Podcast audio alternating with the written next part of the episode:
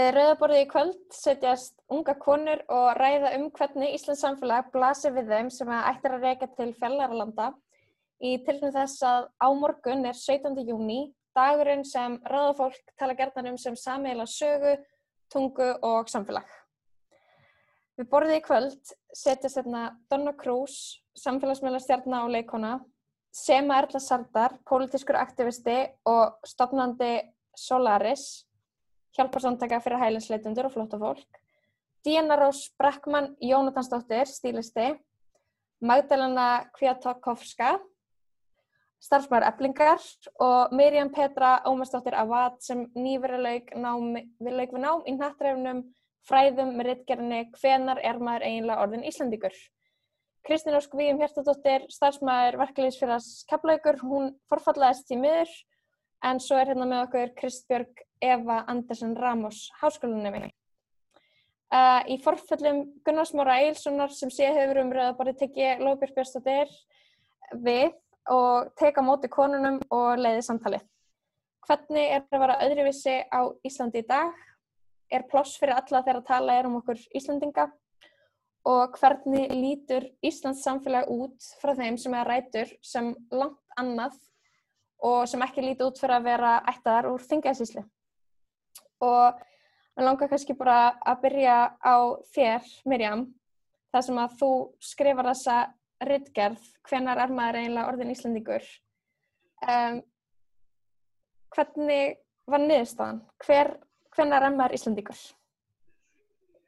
Góð, ég ætla bara að byrja því að segja frá því að rittgerðin hún fjallar um semst reynslu hvenna af miðurstölandskum uppruna, þannig að mm -hmm. þetta er mhm. náttúrulega miða við þann hóp og þetta var bara svo flott tilvittnum í einn viðmælenda minna sem að var að velta fyrir sér hversu mikið hún þyrfti að hvað, hún þyrfti að gera til þess að vera samþygt sem Íslandingur og ég held að kannski eitt sterkasti lærdómurinn sem ég dró úr þessum viðtörnum fyrir utan náttúrulega svakalega mikla fórdóma gagvart fólki af miðusturlönskum uppruna og þá sérstaklega já, muslimum eða þeim sem að fólk gerir ráð fyrir að séu muslimar mm -hmm. að þá var líka þessi, þessi faktor sko að jafnvel þó þú talir íslensku reypernandi að þá er það ekki nóg. Við erum alltaf að segja við innflytjendur, þau verður bara að læra íslensku og þá komist þið inn í Íslands samfélag. En sama hversu vel við sem að lítum ekki út fyrir að vera típiskir íslendingar, tölum íslensku, að þá, þá er það bara ekki, það er ekki tekið gilt. Er komið fram með okkur á alls konar niðurandi máta, það leifir sér að segja ímislegt fullir það um að við getum ekki verið íslendingar eða tilurum ekki þessu þjóðerni. Þannig að það var kannski svona veist, burt séð frá þeirri umræðu sem við tókum um þá fordóma sem að beinast sérstaklega gegn þess fólki frá þessu landsvæði. Og þá fannst mér þetta að vera svona sko hvað þarf það eiginlega að gera veist, til þess að vera samþyktur og mér finnst það að senda rosalega skýr skilabóð að það er ekki nóg að ætlast til þess að innflytjendur læri bara íslensku. Við þurfum að koma fram með þá líka eins og þessi hluta á samfélaginu. Af því það er ekki verið að koma fram við okkur eins og þessi hluta á samfélaginu en samt ölust við upp hérna og tölum íslensku reybrandi mm -hmm. þannig að það var svona já, kannski það helsta sem að, sem að ég er svona ekkert dreigir lærdom af þessari rittgerð sko. Uh, Díana uh, langaði líka að spyrja þig, nú ert þú stílisti og ert búin að vera samt líka að tjá þig mikið á samfélagsmiðlum senstu daga uh, um það sem er að gerast í bandarækjunum en líka að tala um rásisma á Íslandi. Uh, finnst þér eins og þú sést að tala um hluti sem að Íslandingar er að heyra í fyrsta skipti? Svona já og nei. Ég er mjög aggressív með það alltaf, ég er alltaf að tala um rasma í Íslandi og, og, en fyrir mörgum er þetta mjög nýtt, skilju, allir eru bara mjög hissa með þetta þegar ég er að tjá mig um það sem ég hef lengt í sem hálf vietnamsk, en ég óls hérna upp á Íslandi og ég fætt hérna, ég á Íslandsmann fóreldra, þannig að ég er íslensk. Mm -hmm. um, Uh, eins og mjög margir eru núna að læra um cultural appropriation þegar hérna, hvítir gera lítið úr um, hérna, kultúr annara sem eru í minna hlutahópi uh mhm. -huh. og mjög margir núna eru að skoða til dæmis Instagram hjá mér og læra mjög mikið og ég sjálf er að læra helling en fólk er mjög hissa að rasismi sé til á Íslandi að þetta er svakalega falið og það haldi allir að Ísland sé mjög fullkomi og það sé engin fordómar, í raun og veru eru svakalega miklu fordómar Mm -hmm. og ég held að allir séu bara hægt rólega að sjá það, við þurfum bara að tala meira um þetta og þóra að tala meira um þetta. Mm -hmm. Mm -hmm. um, Donna Cruz, um, hvernig, hvernig er það? Á morgun er, er 17. júni og finnst þér eins og það sé jafn mikið dagur en þinn og dagur aðra hvítar Íslandinga? Þetta er svolítið erfið spurning. Sko, svona já og nei, þú veist, mér finnst ég að vera Íslandingur, Mm -hmm. en samt svona ekki, þú veist, til að, ef að bara til að vitna ég að sem að Mirjam var að tala um, þú veist, hvenar eru við, ég er að vera, Íslandingar, það er ekki komið fram við okkur þannig, sama hversu, veist, sama hversu mentaðir við erum, sama hversu góð íslenskan okkar er og, veist, sama þótt að við sem búin búa hérna í allt okkur líf, en þú veist, ég tengdi rosalega mikið við út af því ég var, ég var einhvern tímann að ræða þetta við kæristu minn og ég var eitthvað, þú veist, þegar ég var að lesa bara kommentin á afsökun, afsökunarbeðinu hans Pétur Jóhans og sá bara ógæslega mikið svona blossa upp og ég hugsaði bara, vá, það skiptir ekki máli hversu mikið ég elska landið mitt og hversu mikið, veist, Ísland er bara landið mitt, veist, að sjá kommentakerfin, þá, þá fæ ég bara svona, ok, það skiptir ekki máli hversu mikið ég elska Ísland, Ísland mun aldrei elska mig. Mm -hmm. og það er alveg smá vant og það er ógæslega erfitt að vera stolt af veist, landinu mínu sem er náttúrulega bara Ísland þegar að ég veit að þau samþykja mikið, þannig séð Mm -hmm. þannig að það er svona bæði og Emmett. Og ég skjóti inn í. já, Já, ég er alveg sammála Donni með þetta, með þetta því ég, ég lít alveg á mig sem Íslanding og ég er partur af íslenskri menningu en ég á líka menningu uh, í Suður Ameríku en þegar maður lítur á sig sem Íslanding og er ótrúlega stoltur af því en svo sér ég með svona komment þar sem er að segja helvitis útlendingar eitthvað svona, er bara wow, ok, ég er greinilega ekki Íslandingur í þeirra augum eitthvað svoleiðis.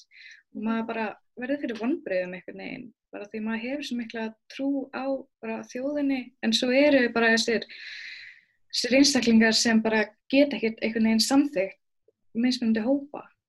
Mm -hmm. Já, og ég gerir mig alveg grein fyrir því að þú veist, ég, þú veist við náum ekki til allra hópa. Og þú veist, auðvitað ekki. En þú veist, þótt að ég veit þetta og ég mig alveg grein fyrir því þá er, þá er þetta samt svo ótrúlega vond og sérstaklega núna þegar hérna bara dæmið um Petur Jóhann og Black Lives Matter þá er bara, þú veist, ég er líka búin að vera að virka mínu, sam, á mínu samfélagsmiðlum til, að- og tjá mig um þetta. Og ég fæ stundum bara komment frá vinum Mm -hmm. eitthvað sem að ég skil ekki alveg. Og það færi mig aðeins til að stíga aftur og baka og vera bara, hvernig getur það verið vinur minn ef að þú í rauninni samþykir mikið þú veist, og Einmitt. þetta er ekki þetta er ekki, veist, þetta er ekki en hvernig get ég útskýrt það þetta er svona, þú veist, þín skoðun og mín skoðun þetta er ekki, þetta er ekki mismunandi skoðanir og því að þetta er þú veist, þú veist hvernig þú horfir á útlendinga eða lita fólk á Íslandi og hvernig þú horfir á mig veist, Mhm. samt, telur, samt ertu vinur að ynguna mín en samt hugsar og svona, það færi mig til að, til að svona efast um bara mikið Eða, þú veist, Má- ég- bæta inn í. Ég er nefnilega alveg sammála sko, þess að, segja að mér finnst rosalega oft eins og að hérna fólk hefur með einhverjar ákveðnar skoðanir um, þú veist, útlendinga en, en horfir ekki á mig þannig að því það þekki mig og segir síðan einhverjar hluti um fólk af erlendum uppruna í kringum hann og eins og það sé eitthvað svona, já, mér finnst frábært að þú samþykir mig en samþykir ekki hinn eða þú veist, eins og mér myndi líða, þú veist, auðvitað tekur það alveg mikið á mann Mhm. þegar einhver, þegar, þegar fólk það gerir sér ekki oft grein fyrir því að þessi reynsla er raunveruleiki. Þetta er ekki bara mín skoðun versus þín skoðun, þú veist, þú átt ekki að hafa veist, við erum að tala um raunverulega aðstæður og þá er svo skrítið að skipt geta setja sig upp á móti raunverulegum aðstæðum af því að mín skoðun er að þetta sé ekki raunveruleg eða þú veist, þeirra skoðun er að þessar aðstæður sé ekki raunverulegar af því þær trúa því ekki mér finnst það oft vera svona þú veist, maður er að segja frá sinni reynslu og það er ekki lagt trú við hana af því að þetta fólk hefur ekki upplifað á eigin skinni, ef fattiði Mhm. mig. Mm -hmm. Nákvæmlega. Einmitt. Og þá fer ég að velta fyrir mér, þú veist, uh, hafið eitthvað sem mann pælt í því, ég veit að það er kannski skrítið að bera það saman en að vera Íslandingur en, þú veist, líta ekki út fyrir það út af stereotypunum Íslandinga sem er þessi, þú veist, hvíta húð og, ég veit ekki, solbrunni eða eitthvað og, og svo að, þú veist, til dæmis vera erlendur en kannski, þú veist, líta út fyrir að vera Íslandingur eins og Sema, má ég kannski bara spyrja þig að þessu nú ertu, þú veist af erlendu bergi brotin en Mhm. íslenski útlendi og vorum að ræða þetta. Já, Einmitt. já, einmitt. Já, já. Um, ég er náttúrulega Íslandingur og ég er Tyrki Mhm. og er bara mjög stolt af uh, öllum uppruna mínum. Um, en í huga sumra þá er ég ekki Íslandingur. Ég er bara Tyrki. Það er bara, og af því að ég er Tyrki þá er ég hitt og þetta. Og ég meina, ég er fætt á fjörungsjúkur á svona akureyri, ég er skýrð, ég er fermt, uh, veist, ég er búin að fara í gegnum allan ennar pakka, skilur, ég er bara svona, já, sem myndi segja bara eins íslensku og, og hægt er að, að vera, sko. En, jú, jú, ég er Tyrki líka og það bara eru margir sem eiga erfitt með það og það eru þá þessir einstaklingar sem eru trúa á þess að hvíta, hvítu yfirbreið hyggju og, og, og menningarlega yfirburði og, og, og annað slíkt. Þetta eru bara nýnasistar, þjóðörnsinnar og, og, og kynþáttahatarar. Mhm. Og ég held að sé svolítið mikilvægt líki í þessu að því voru að tala um þetta áðan með þú veist skoðanir og annað Mhm. er að þetta, þetta snýst ekki um skoðanir. Veist, rasismi er ekki skoðun. Uh, veist, að halda að eitt sé yfir annan hafinn út af einhverjum uh, húðleiti eða menningarlegum þáttum. Þess, þetta snýst ekki um að hafa skoðun á hlutum. Þetta eru bara staðarindir, svona eru hlutinir. Við getum tekist á um ímislegt en ég held að sé svolítið mikilvægt innlegg í þetta. Veist, þetta snýst ekki um að hafa skoðun á, á hinn eða þessu. Þetta snýst um personur, einstaklinga, hópa fólks og mér finnst það eiginlega mjög erfitt að hlusta á það sem ég er að segja að því ég verð svo reið að þú veist, hver er einstaklingur A og hvað rétt hefur hann til þess að láta einstakling B efast um sjálfsmynd sína, eh, uppruna sinn, stöðu sína, sorry, þú veist, mér finnst þetta bara ógeðslegt. Þetta bara, þú veist, þetta á ekki að líðast í nútíma samfélagi og fjölmenninga samfélagi eins og Íslands samfélag er og við verðum bara öll að viðkenna því fyrir því betra, sko. En, en þú veist, má ég þá bara, má ég spyrja þig eftir, þannig að. Þú veist, hvað er það, hvað heldur eiginlega að sé sem stendur í vegi fyrir því að, við séum fjölmyrningasamfélag? Þú veist, í orði og borði. Það myndi ég segja að væri treyji á meðal fólks til þess að horfast í augu við raunveruleikan til þess að viðurkenna að samfélagsþróunin uh, hefur verið á þann veg að samfélagið er breytt og að við erum bara ekki einsleitt þjóð eins og við vorum áður og vorum lengi. Og þetta er kannski eitthvað svona ferli sem að öll samfélag fari gegnum á mismunandi hraða og, og misvel. Og því miður þá er ennþá fólk sem að heldur því bara staðfæslega fram til dæmis bara að rasismi sé ekki til. Og yfirleitt eru það náttúrulega einstaklingar sem að hafa aldrei nokkuð tíman upplifað rasisma eða aðra uh, útlendinga aðdúð eða, eða fordóma. Og, og þessi sömu einstaklingar ætla að reyna að sannfara okkur um hinn um að þetta sé bara vittlisa í okkur.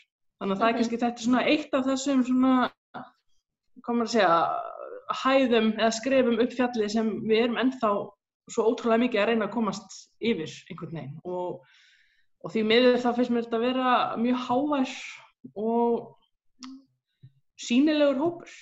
Og það er náttúrulega bara mín upplifun uh, sem tekist í að hafa bara alla mína æfi þurft að berjast fyrir tilvistaréttin mínum og vera viðurkend sem svo sem ég er. En það er líka bara mikilvægt í þessu að, að leifa öðrum ekki að, að taka af þér hver þú ert og fyrir hvað þú stendur fyrir.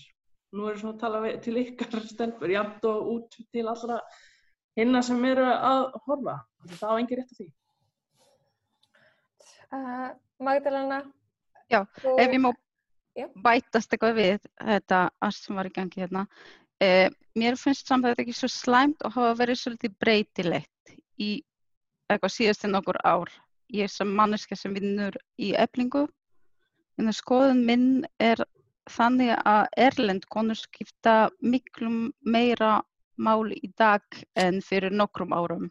Til dæmis eins og í eflingu, við erum komin með agnesku, þannig að polsk kona sem er varaformaður, fyrsti erlend kona sem er komin í svona háan stól, svo gölluð, í, Mm. í starsta stétarfélagi. Mm. Þetta hefur aldrei gerst fyrir og líka hana, stelpur frá Pólandi og öðrum löndum sem eru að vinna, vinna hjá okkur í eflingu. Þetta hefur verið ekki gert fyrir þrjú árum með eitthvað fyrir björlistin og Solveig tóku yfir. Þannig, og líka allt þetta verkfall sem fór í gangi, ef ekki þessi erlendkonur en að hótelverkfall, þetta var bara 90% af erlendum konum sem tóku verkfalli og þegar við vorum segja um að fara á verkfall, það varu Íslandikar að segja, já, Ísland fer aldrei í verkfall, við fórum ekki í verkfall, það virkar ekki þannig hér. Og svo tóku þau yfir og voru að sína samfélagi hvernig er hægt að vinna sitt réttindi eða eitthvað svolítið. Þannig, já, mér finnst, já, þau skipta miklu me- meira mál. Og það, þó rasismi er ávitað er, en rasismi er alls það, rasismi er í Pólandi, ég held að miklu meira en hér. En þetta hefur verið breytilegt í, í sögu landsins, finnst mér. Mhm. Já, það er kannski eitthvað svona, eitthvað hreyfingu að eiga sér stað og, og sérstaklega í eflingu, en mér langar þá að spyrja þig, Magdalena, er, er þetta eitthvað sem að þeir sem að vinna með þér í eflingu tala mikið um? Konur af erðandi bergi brotnar sem að upplöfa mikið rassisma í vinnunni? Ha, erum við að tala um klókar Ég- með í vinnunni að, Já, eða þú veist, þeir sem eru skjólstæðingar hjá eflingu í stjættafræðinlæginu efling, að berast kvartanir til ykkar um rassisma? uh, svo lítil en, en ekki svo mikið, þegar síðast í Þannig að það er, já, það eru nokkur dæmi en ekki, ekki eitthvað rosalega. Mhm. Má ég bregðast aðeins við því?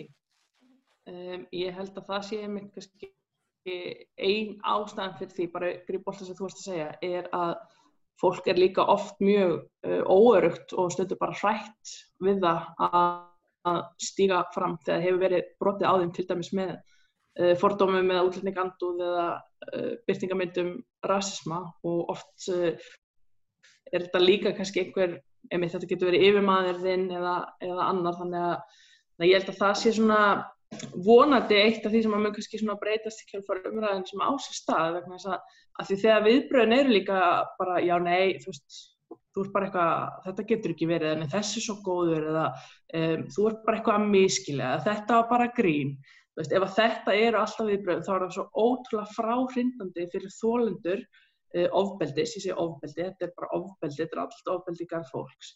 Um, þetta er svo fráhrindandi uh, fyrir þau til þess að leita aðstóðar og, og það er svona oft eru einstaklingi bara að lifa með þessu og byrgeta innra með sér uh, árum, áratugum stundum allt sitt uh, líf. Þannig að það er líka eitthvað sem ég held að við þurfum að, að opna á að það sé auðveldara og aðgengilega að fá aðstóð, hvað sem það er einmitt á vinnustafnum eða í skólanum eða, eða hvar sem það er, sko. Mhm. Já, málið er að þú verður að segja líka réttindi og það var, þú veist, það er okkar málum að sjá um þetta á fólki segja réttindi og því ávitað það er meira brotin af fólki af erlendum úbruna og því þau tala ekki íslensku og kjara samningar voru, voru, bara á íslensku, allt upplýsingar alls það er bara á íslensku og núna þegar þetta breytist smá og bæst þetta við á ASI síðuna á um, enskutungumál og pólsk og eflinga vefsíu. Nú, Já. eftir, þetta breytist smá og já, þegar fólki segja reytindi þá bara, já. Má ég Já. bæta við aðeins að því að ég er einmitt bara, bara til þess að taka, einmitt þess að segir, taka boltan á, á lofti að ég myndi, ég persónulega, ef ég eh, ég hef lent í, þú veist, já, ég vil segja, það var bara þegar ég var yngri, fórtumum fullum kannski aðtöðasöndum þegar ég var í vinnu og ég þorði ekki einu sinni að fara að tala um það við eitthvað stjættafélag, eða þú veist, ekki einu sinni við yfirmann, skilur Þannig að þegar, þegar staðan er svo, þú veist, þar sem ég geti vel ímynda mér að fólk sem að er af erlendum bergi brotið og kannski ekki tala kannski ekki um máli að þetta sé þetta sé ennþá meira svona ógnvægilegt fyrir þau að fara að, að kvarta yfir þessu. Og þess vegna er svo mikilvægt að með þess að þú segir hérna Magdalena að, að þessari upplýsingar komi fyrir fólk að sækja þær á fleiri tungumálum heldur en bara íslensku inn á þessum vefsíðum.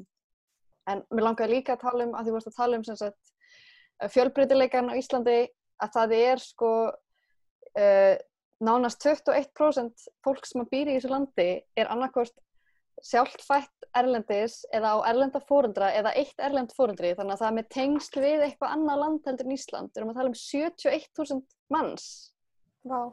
Þessi sínileiki er ekki til staðar og það er ástæðan fyrir því að við höldum að við búum ekki fjölmenningarsamfélagi að því að við erum ekki, þú sérð ekki, ég skil til dæmis ekki af hverju það er ekki bara, þú veist, til dæmis að væri íslenskar fréttir á pólsku skiluru í sjónvarpunu nú er pól, eru pólverðar þetta með stærsti hópur á landinu og það er ekki, það er, mér finnst vera fyrst núna, og kannski leiðrættum ég Magdalena, en, en vísir er til dæmis núna komið með pólska útgáfi á síðunni, en það er bara frekar nýlegt, er það ekki?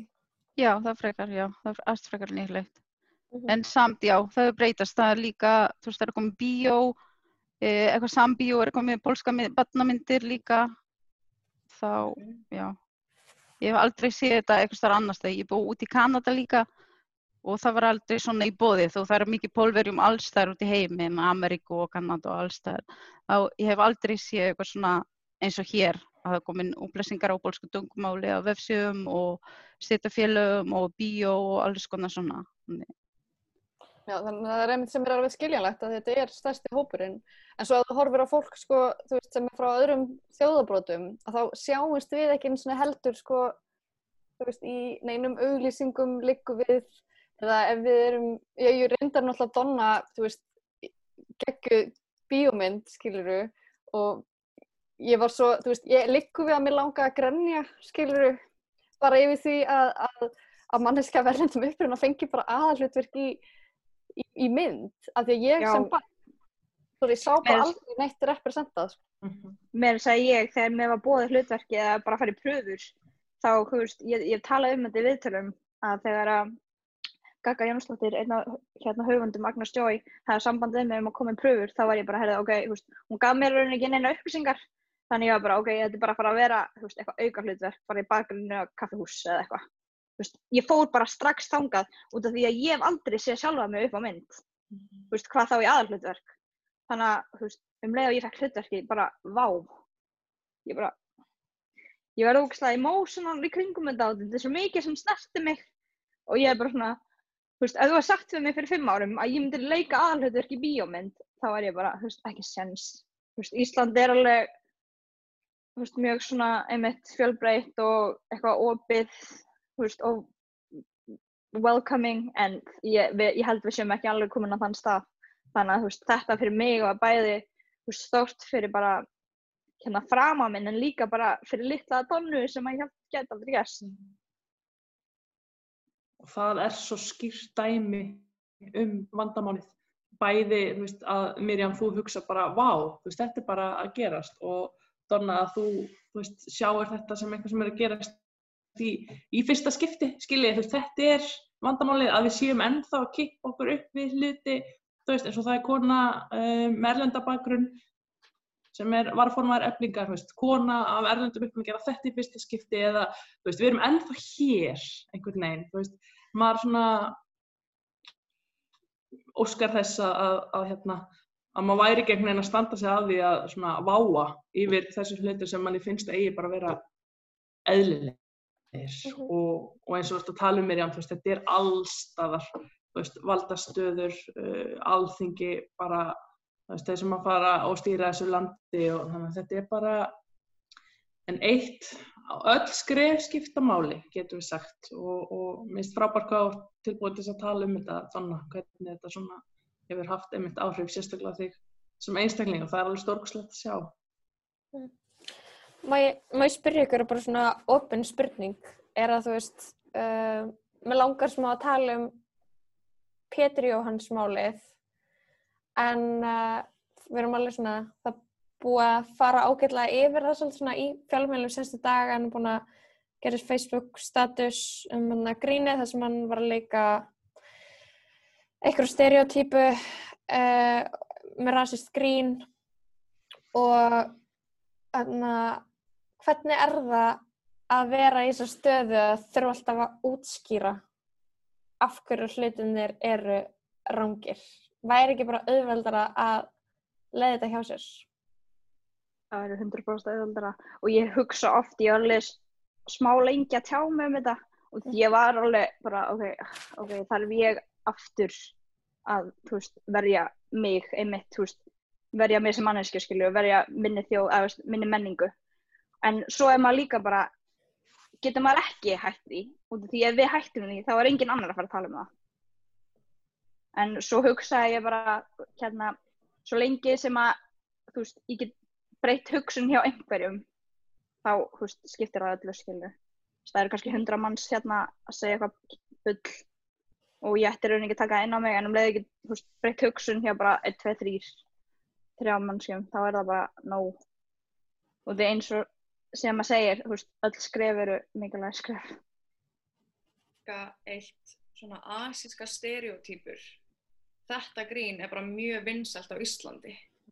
Bara þegar ég var að alast upp og ég er hálf vietnamsk og það sést á mér, það var bara kalla mig alls konar nöfnum og segja mér eftir að fara heim til Kína og bara brett upp augun og syngja eitthvað japanskt lag, eitthvað mamma mín í Japani, pappa mín í Kínveri, eitthvað þannig.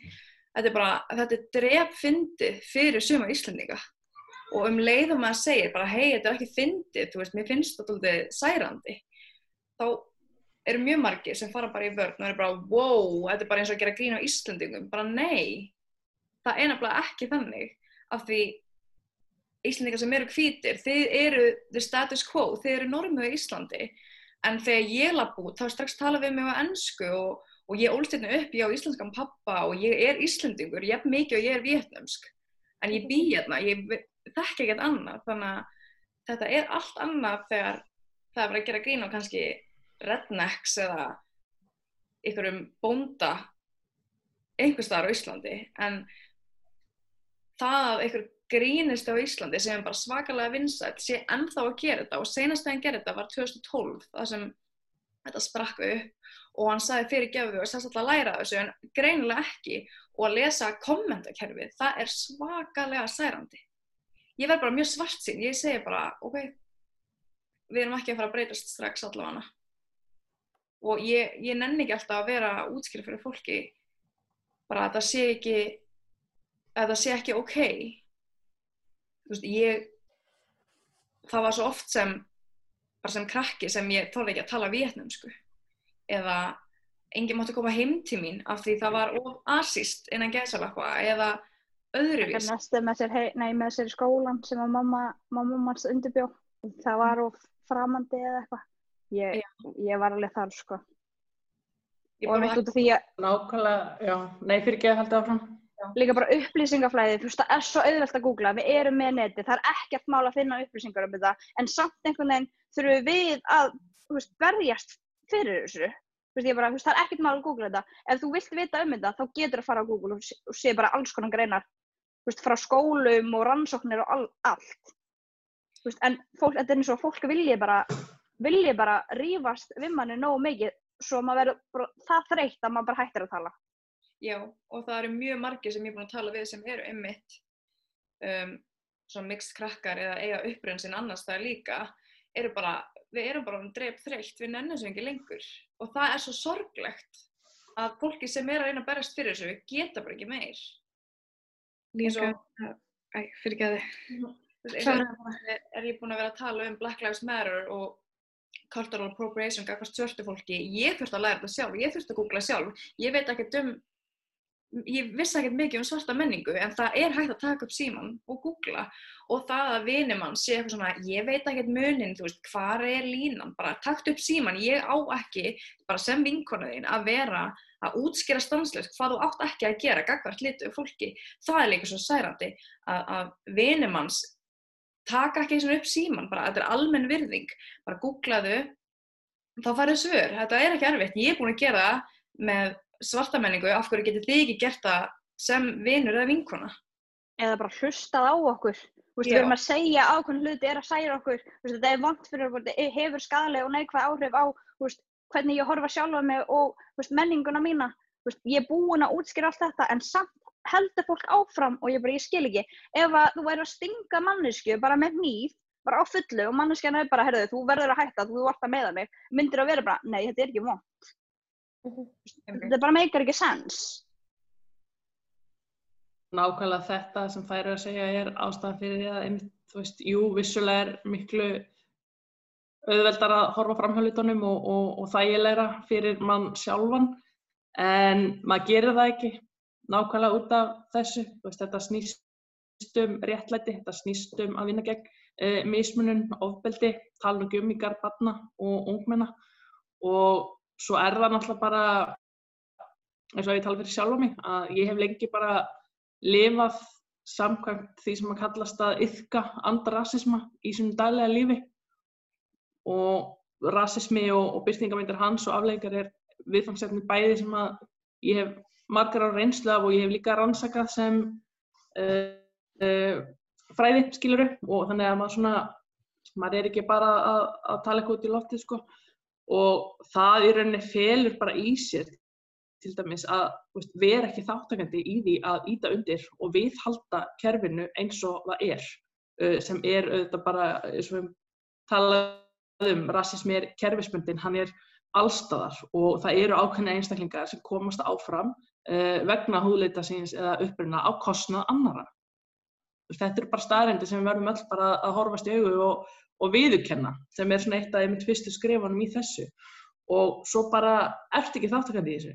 Þú ert ekki að segja svona hluti sem eiga að vera grín, ég set grín af því sorry það er bara ekkert fyndið svona hluti. Mm, þú ert ekki að kjósa fólk eða stjórnmálflokka sem að hafa stefnur eða fólk innanborðs sem að ítir undir útlendingaanduð þú ert ekki að mæti útvarsviðtöl á útvarstöðum sem að íta undir hatur og fordóma ég meina, er viðtalið þitt virkilega mikilvægara heldur en ára og aldalöng baráttu fólks fyrir því að vera viðkinn sem þau sem þau eru, skilur þau. Þannig að þetta er, þetta er lífstíl og þetta er bara að vinna. Eitt af því að því þið nefnið þetta er einmitt það að sækja sér upplýsingarnar sjálfur, ekki vera að atast í þeim sem eru dag og nótt að berjast, þess að segja, þetta er orðið svo einfalt, það eru, við erum með öll þessi tæki, við erum með tengingar allstaðar, af því það er auðvitað mjög mikilvægt að, að fyrst vita um hvað máli snýst áður en þú ferða að þessi næstu skref. En svo náttúrulega bara einmitt kemur þetta niður á það að, að hérna, þess að þegar ég byrti þetta myndbandi ég vissi alveg nákvæmlega hvað myndi gerast. Ég segi ekki að ég hef kannski alveg átt vonaði að, að þeir eru hóta að skjóta fjölskylduna mína og eitthvað svoleið sko en, en hérna og ég vissi þetta er óþægilegt en óþægindin sem stafa af því að svona stafal ímyndum sé viðhaldið endalaust að fólki í þeirri stöðu sem eiga að heita fyrirmyndir sem eru að, að hafa áhrif á hvernig unga fólki er að alast upp. Það er bara ekkert í bóði. Þannig að óþægindin fyrir mig versas áhrifin sem þetta hefur. Veist, það er ekki svona sambarlegt. En það er ég engin persóna í þessu. Einu sem ég gerði var bara að byrta myndband sem ég sá á netinu. og það er einmitt það, við þurfum að vera óhrætt við að vera óþægilega, ég get alveg sagt að þegar ég var yngri ég, ég, var, ég var mjög hrætt við þetta og veist, bara eins og Mirjam, ég bara þorði ekki segja neitt og mér svo stundum, veist, spilaði inn í djókið, var sjálf að gera grína sjálfur mér, en veist, ég er kannski hlæjandi með vinum mínum, fer heim og líður illa með sjálfur mig. Þú veist, þetta er eitthvað sem að við þurfum að stoppa.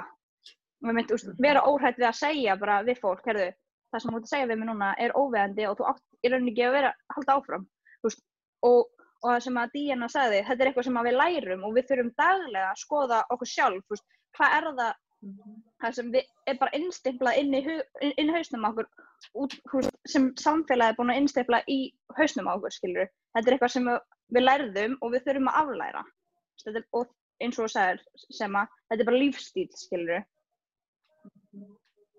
Svo finnst Og gleymum því ekki, sorry, að þú veist, rasismi er líka lærð hegðun. Það fæðist Já. engin rasisti eða með fordóma eitthvað svo leiðis. Þetta er allt lært og ef við getum lært að vera rasistar, þá getum við líka lært að vera það ekki. Sorry, Krisbjörg. Svo líka finnst mér alltaf ótrúlega fyrðilegt þegar ég til dæmis segja við fólk að ég er fætt inn á Íslandi, ég er bara Íslandingur, en það þarf alltaf að vera, en hvaðan samt ertu? En þú ert einhvers þar frá einhverju öðru landi, hvað land er það? Bara það er einhvern veginn ekki eins og nóg að segja, ég sé bara Íslandingur og ég er íslensk, búin að vera í þessari íslenska menningu allt mitt líf. En það vill alltaf fara dýbra og dýbra það, það ger líka svo óþægilegt að hún- maður verður svo var um sig bara, ó, hann sér mig ekki sem Íslanding þó ég talar reybrandi íslensku og búið en allt mitt líf. Þessi Ég- ég- hverstagslegi rasismi, sko. Já. Það Ég er- hérna ætla bara, fyrir ekki, hérna, endilega taktu orðið, sorry, ég ætla ekki að fara að grípa fram í fyrir.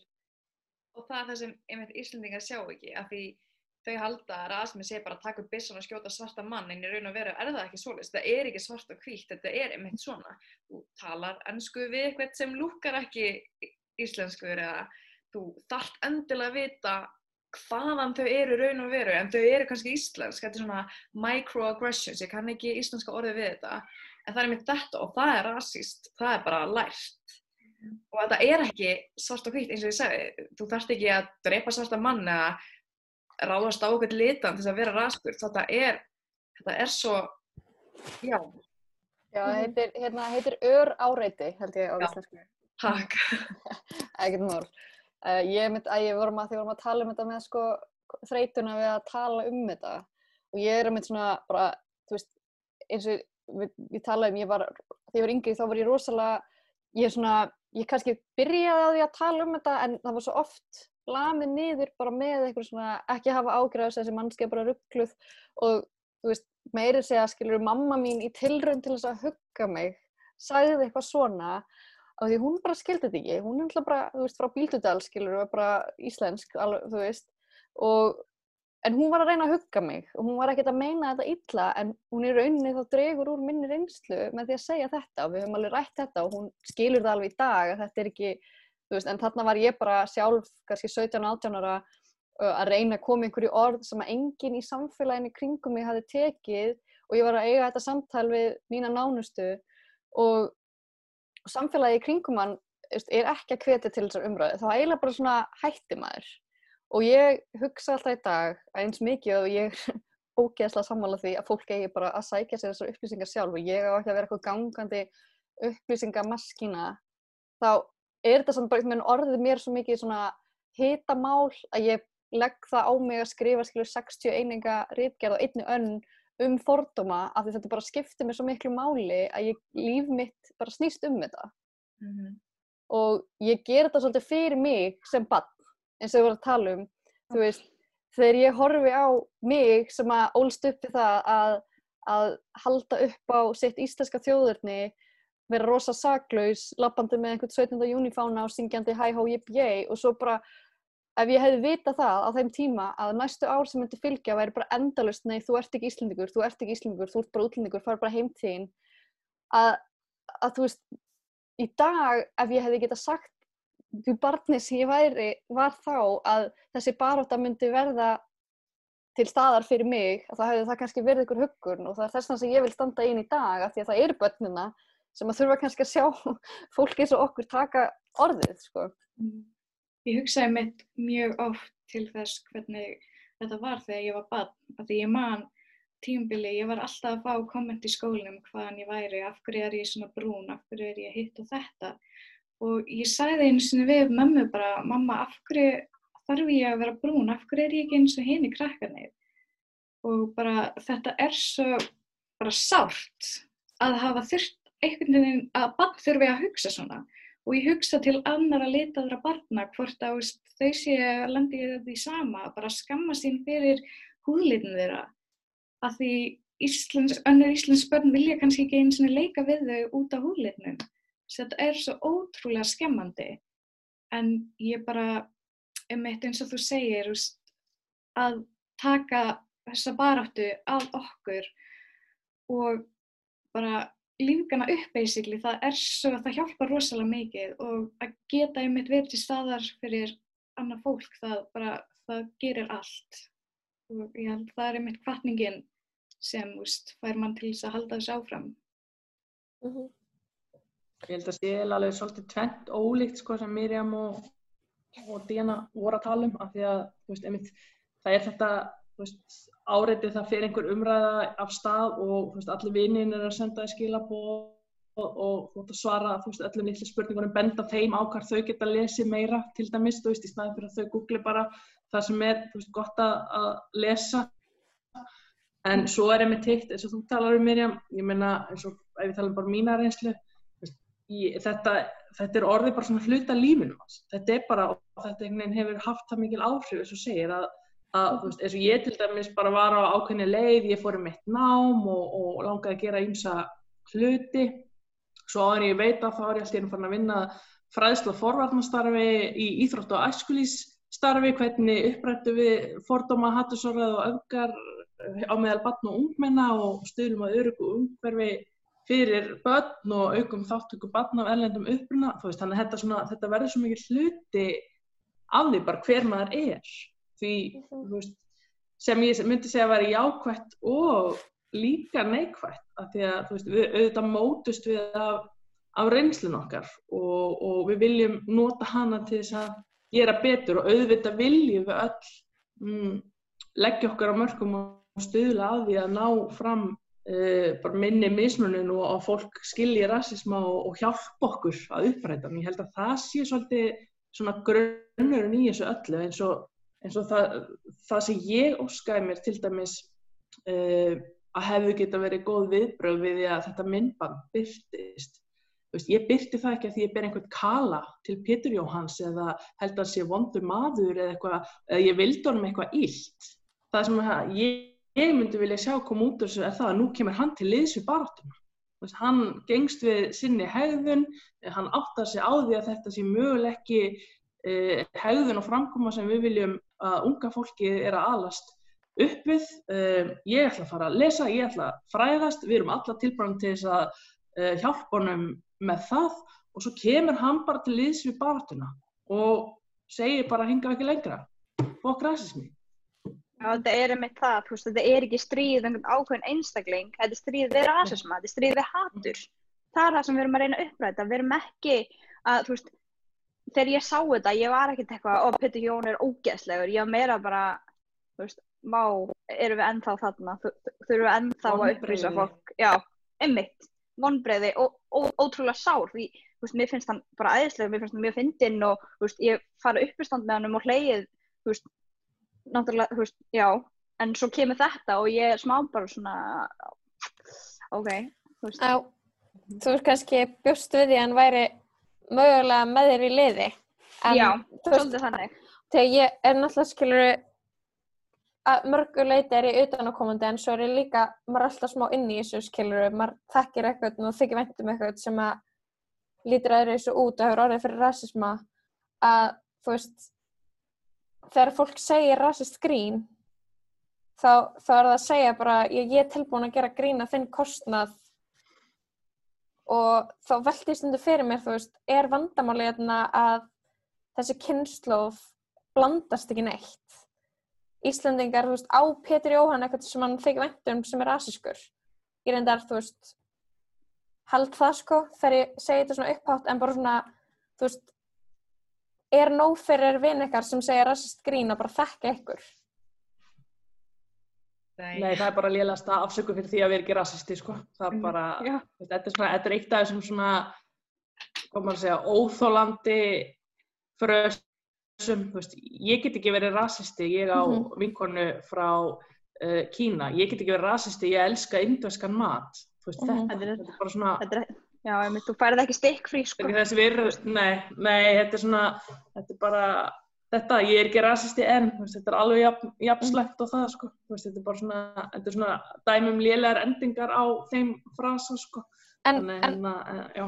en er það ekki ymmit særandi út af því að, þú veist, ég er ekki rasisti en ég á, út af því að ég á asískan vin, en ertu þá ekki ymmit að særa þann vin ókslega mikið, eftir ekki að vita betur? En líka eitt varðandi það að maður eigi vin eða ættingja sem er Mhm. aðsins sumir leiði þetta af því ég leiði þetta eins og af því ég kunni ekki að díla við þetta. Ég leiði Mhm. fólki bara að gera grína mér og ég hló með þannig að fólk sér kannski bara já, æ, þú veist, Díana, hún leiði mér þetta og hún hló bara að þessu, hún er fannst að þetta er fyndi, ég ætla bara að halda áfram að gera þetta. Mhm. ég var mjög lengi bara í afneitun um að þetta allt væri til og, og veist, það var tímabil sem ég skildi í cultural appropriation, ég var bara, nei, come on. Og síðan var ég bara að sjá hægri vinstri Ísland, hví- hvíta Íslandinga að gera lítið úr menningunum minni. En ég var bara, nei, þetta er ekki til af því það er búið að mata ofan í mig allana, ég er að tala fyrir sjálf mig að, að þetta sé bara venjulegt, þetta er alltaf læg að ég mun alltaf vera svona öðruvísi og ég er bara að sætta mig við þetta og taka þessu gríni. Og það er nefnilega líka málið um, sem er mjög algengt til dæmis eins og um daginn var einhver hvít stelpa sem fekk sér cornrows og það var svört kon sem gerði hárið og sagði að það var alltaf lægi og, og einhver önnur svört sem sagði bara oh my god ég er að fara að slétta með hárið. En eins og segjum ef ég myndi leiði einhverjum að gera grína mér brett upp augun eða gera álíka grín á péti og hann gerði það þýðir ekki að ég sé að gefa leiði gefa það leiði að þú megi gera grín af menningunni. Mhm. Bara- skilur, þetta er bara ein manneskja og heil menningarhópur, það meikar ekki alveg sens, kannski er manneskjan bara mjög bælt með þetta, Mhm. fattu ég hvað ég við Ég, Já, tengi, ég 100%. tengi við þetta, sko, ég, ég man eftir að, að veist, sko, ég man eftir að hafa gert sjálf einhverja svona araba hriðiverka brandara bara til þess að forðast það að fólk notaði það gegn mér. Þá var ég bara svona, ef ég bara fyrir til, að þá, þá slepp ég kannski við þetta.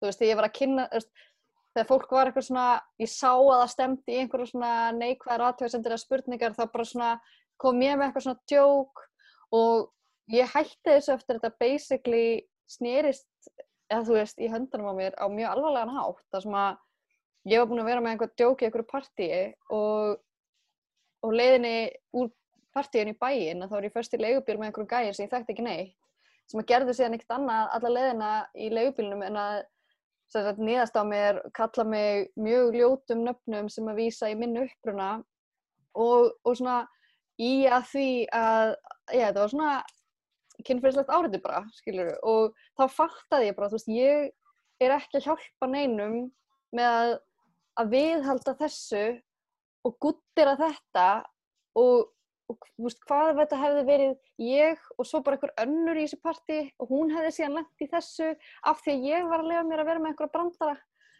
Og þetta var svona eye-opening moment af því ég er mitt sem bara, þú veist, þetta var einhvern veginn svona bara varnataktík og manni fannst fyrst að öllum finnst þetta í lægi kringum hann þá er kannski bara eitthvað að hjá mér að finnast þetta ekki í lægi Mhm. þegar það er öfugt. Já, einmitt.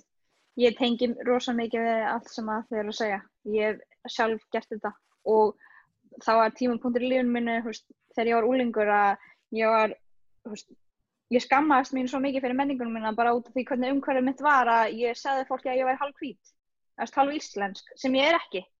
Og veist, það var smá tími í lífinu minna sem ég skammaðist mín bara fyrir menningunum minna sem er bara veist, ég er bara svona, mér finnst svo ógislegt að samfélagið og umhverfið mitt gætt haft það mikið áhrif á mig að ég skammaðist mín bara fyrir veist, sjálfa mig. og í ofbeldinu Mhm. sem þetta er.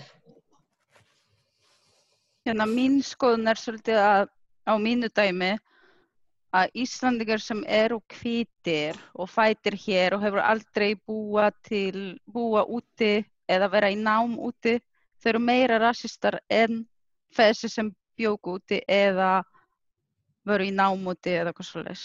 Mhm. Já, ég, ég meina að ég get alveg tekið undir það, þetta er rosalega oft bara mjög mikil fáfræði og þú færð þínar upplýsingar kannski bara frá einhverjum öðrum Íslanding sem hefur kannski aldrei farið neitt heldur og þú myndar þínar skoðanir um bara heilu hópana af fólki út frá einhverju sem þú hefur aldrei kynnt þér og þetta bara, þú veist, ég meina, það er bara eins og í, rannsókninu sem ég gerði fyrir rítgerna mína að þú veist, fáfræði var bara eitt svona stærsta þema sem kom, kom út úr því, skilur, og þetta er rosalega mikið, þú þú tekur upplýsingunum einhvern veginn frekar gefnum þegar þeir koma frá fólki sem er fætt hér þegar það segir þér eitthvað heldur en þegar við sem axli lendum í reynslinu segjum þeim frá því. Það er eins og það sé svona auðveldar að efast um það eins og við værum bara eitthvað að ljúa Þú veist, ég er að segja frá minni reynslu af því ég, og ég hef sagt þetta áður af því ég, mér þykir vænt um þetta samfélag. Ég vil að þetta samfélag verði gott fyrir alla. Ég er ekki að segja þetta því að mér er eitthvað illa við samfélagið skilur, ég er bara, þú veist, af ást minni þá, við samfélagið, þá vil ég að það vita af þessu svo það getur bætt þetta. Nákvæmlega. Þú Er- getur ekki, þú getur ekki leist vandamál sem á við, viðurkenn ekki. Mhm. Það Er er bara, já, það er bara þannig. fyrsta skrefið og við kemur Mhm. að vandamálið sé til staðar og svo getum við unnið úr því og ef mér langar bara aðeins að skjóta innefna því mér en þú varst að tala um fáfræðina það er náttúrulega bara vísindarlega sannað að fáfræðið mitt er einn svona stærsti þátturinn á bakvið uh, fordómana sem að koma út í, í rasisma og svo er það hitt uh, þessi svona sálræna þörf einstaklingsins til þess að finna einhvers konar blóra böggul fyrir það sem fer rátt í hans uh, lífi, þú veist, að að fá útrás fyrir einhverjar kendir eða eitthvað en beina þeim gagvart þessum óvinni innan gæsalappa, skilur þannig að þú veist, og það er svona er einmitt svo mikilvægt að við bara horfist augu við vandamálið, við viðurkennum vandamálið og svo uppfræðum við hvort annað og samfélagið okkar og einmitt reynum að gera það gott fyrir alla. Mhm. Er meira særandi að vera kallaðar rasisti heldur en að verða fyrir rasisma? Verða fyrir rasisma. Já, ég er bara svona, vel, veldi ég fyrir mig hvort að veist, það sé kannski vandamálið þarna að forréttindi fólks gera verkum að, að því þykir verra að vera kallaðar rasisti heldur en er enn skaðin Sko- sem þau valda. Það er eitt sem er mikilvægt að ég í huga í, í þessu. Uh, ég meina þegar einhver kallar mig rasista, veist, þetta er bara ekki þess að við einu svona að, að sko, anda tvissar yfir. Um, það sem skiptir máli er að þegar einhver einstaklingur um, af öðrum húðlit eða öðrum uppruna uh, talar til dæmis um rasisma og yfirbörðahyggju hjá hvítum einstaklingum, ef að þetta særir þig, ef að þetta vekur einhverja reyði eða óþægilegar tilfinningar hjá þér e, þegar verður að tala almennt, þá verður þú kannski svolítið að velta því fyrir þér af hverju. Veist, af hverju er þú að taka það til því þegar verður að tala um rasisma eða annað? Er það þá ekki mögulega vegna þess að það eru einhverjar ástæður fyrir því? Það liggur eitthvað að baki. Ég menna, litaður einstaklingur segir uh, allt hvitt fólk er rasistar. Ég ég myndi ekki tæta til mín af því þetta bara snertir mikið, af því þetta er ekki eitthvað sem að ég tengi við, skilur þú, og fattu eitthvað er að meina. Mm -hmm. Ef þú, ef þú bregst svona illa við ábyrningum um rasisma, það er einhver ástæða fyrir því. Mér finnst líka mjög oft eins og fólk bregðist við, þú veist, minni frásögn til dæmis af fordómum. Bregst fólk við eitthvað svona, ekki þú vera að væna mig um rasis, rasisma, þegar ég er ekkert endilega að tala við einhverja mannski persónulega, skilur að því að það finnst mér eins og fólk fatt ekki að það getur alveg verið stigsmunur að því að vera bara blúsandi rasisti og vera bara hluti af rasísku kerfi og gera sér ekki grein fyrir því eða gera sér grein fyrir því og, og vera þáttakandi í því. Þú veist, ég er bara að byggja um það að fólk þá líti í eigin barm, er ég þáttakandi í kerfi sem við heldur mismunum á öðru fólki og hvað get ég gert til þess að breyta því? Og ef mögulega eitthvað í mínu fari, minni hegðun, mínum orðaforða sem er, einmitt, rasísk hegðun, rasísk framkoma, það er engin að stimpla alla sem rasista eða eitthvað annað slíkt. Og það er ekki þetta að bera saman hvaða særir að vera kallað rasisti eða verða fyrir rasisma vegna þess að rasismi fyrir í sig að þú ert að brjóta niður sjálfsmynd uh, maður segja, bara tilfinningar og, og tilvistarétt fólks vegna þátta sem við ráðum ekki við. Við höfum ekki stjórnaði hvar við fæðumst eða hvernig við erum að litin eða, eða annað slíkt en ef þú ert að sína þér raska hegðun eða framkomu þessu er bara mjög auðveldlega breytt ef þú ert tilbúin til þess. Þannig að þetta er ekki eitthvað sem er hægt að bera saman. En, En, já.